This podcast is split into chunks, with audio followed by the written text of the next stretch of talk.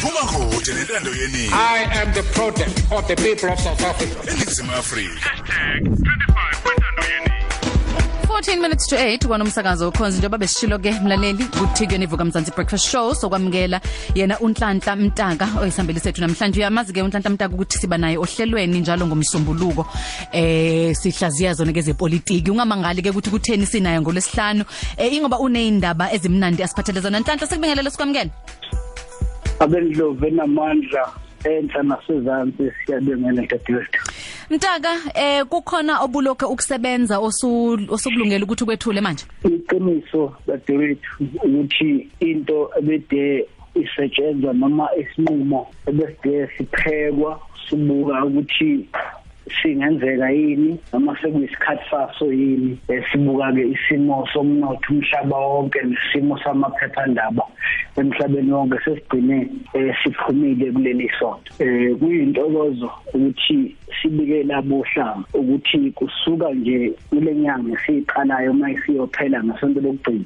eh siyobe sethula iphephandaba elisha nangesonto eliyobizwa ukuthi iphepha labo hlanga. Leli phephandaba ke dadewethu umahluko walo ulandela ukubuka isimo esesiyinhlekelele kumaphephandaba angesonto ngoba kulamaphephandaba noma ngabe waziphi ilimi eh, ama-Afrika noma abohlanga ababekwa njengabantu abacabangayo babekwa njengabantu aba- aba- aba- ababekwa njengamaphutha makuyiphutha likanongcebo futhi iphutha lethu sonke. u- ukunqoba kwethu ukuzabalaza kwethu imicabango yethu eh, neminikelo nje yethu esintwini ayivamile ukugama eh, kulamaphephandaba. Kube umbono wethu ukuthi sifike isikhathi sokuthi akube nephephandaba elithe ukwehluka futhi likhulume ngesizulu ngoba yiloko umqoka ukuthi indaba ilapho limini ama abohlanga ngisho nje bakuyovotwa ngedadewethu bona abaningi ibali kodwa mase kufike kwenziweni kwemthetho imithetho ikhulunywa ibhalwe eh, nangesingisi nabayihlaziyayo abathi ayiye ngaphi babhale ngesingisi. Ekubeni amaphephethu angikhulumi lapha ngesizulu kuphela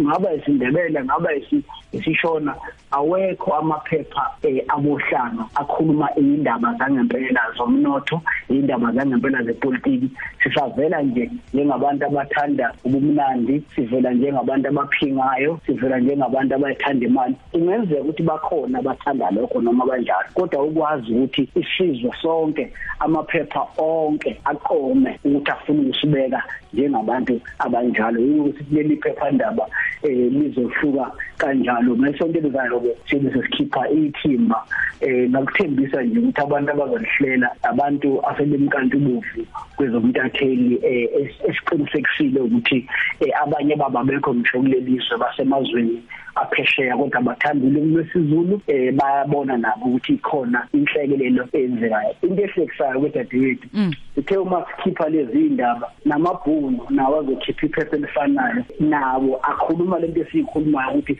wona abone ngazi ukuthi ulimi lwawo nawo qobo babewa ngindlela ngizama ukuthi lokho kusitshene ukuthi akuthina sodwa esibuka lesi simo kodwa mhlawumbe ke siyithi esikhethe ukuthi angibe sibe sekhaleni elalenti ngoba impi le yokulivikela ulimi impi le yokuqinisekisa ukuthi abohlanga baba ingxenye yokubuswa kwabo ngoba amaphepha aseningizimu Afrika awasibuki njengabantu abayingxenye yokubuswa kwethu basibuka njengabantu kufuneke bafuhlelwe ngeindaba esevese ifukunyeziwe ezinye evese zikusophe ukuthi zisise eh, kwenye indawo. Mhlawumbe mtaka mangase nje usikhumbuze ukuthi sizoqala nini kulithola leli phepha? Eh kule nyanga nje eh, ngomhla ka24 kule nyanga kuyobe kuyisonto. Siyolithula kodwa ngomhla ka23 nasi besilithula khona kodwa ezitolo nje nawe esandleni ngolibamba ngesandla eh ngomhla ka 24 la liyobe selisabalale yonke indawo. Simema ke bonke abantu bangithi ngoba okumqoka ukuthi ngabe siqamba amanga uma sithi singayigubula sodwa lento impi enkulu le. Eh, mangase kube nesikhathi ngabe ngichazela abohlanga ukuthi namhlanje akekho umuntu ongafrika onomshini wokugaya ugaya belungu ugaya amandulo. Namhlanje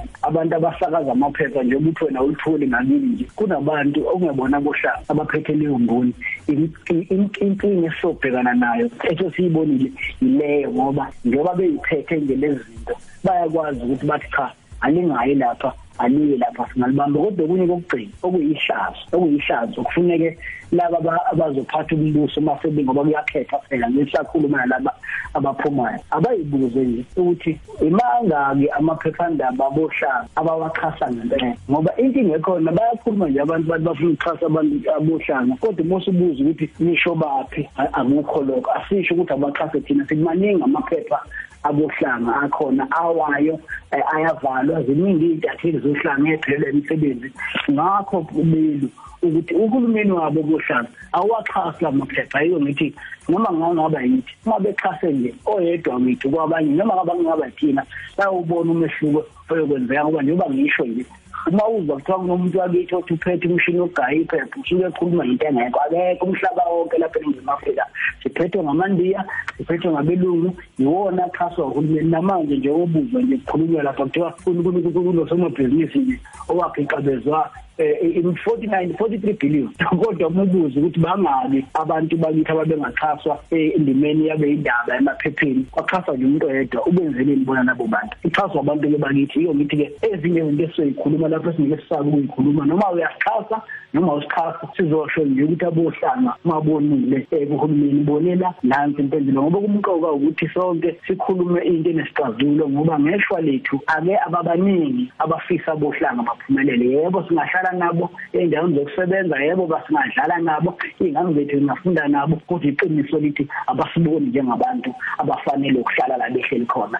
Kuyothatha-ke mina nawe nabanye ukuthi sibe nesibindi sokuthi sizoma la becabangele sime khona elabuhlanga-ke liyoma la okwaqatshanga ukuthi abuhlanga ebame khona. Umbuzo uzothi nizophumelela yini? Uthi omunye dadewethu ihlaya nje leli sengumuntu ocelele nakuthanda uma siqala ibayede kwaqhamuka umuntu ohulumeni wathi kithi uzwelonke mtaka enyangeni ey'ntathu liphepha lakho lizobe lingasekho usho ibayede lesineminyaka emihlanu. Um nakulokhu-ke uthi omunye uma singakuxhasi kusho yena akakaliboni nokulibona uma singakuxhasi ngeke ume ngaso impendulo yami yathi yonke le mizi ekhona lapha eningizimu afrika inencwadi kuthiwa ibhayibhili alinazo iyikhangisi kodwa lineqiniso kokunye akukhona ukukhangisa abantu bokuxhasa uma ukhuluma iqiniso bayakuxhasa uma ukhuluma ngolimi lwabo bokuxhasa uma ukhuluma um ubahlonipha. Uma ngabe bakhetha ukuthi abantu abalixhasa iphepha ubobuka lapha egcekeni nakwakho ikhona incwadi ekuthiwa ibhayibheli noma iqurani kwababuka iqurani zonke le ncwadi ngikhuluma ngey'ncwadi ey'dume kakhulu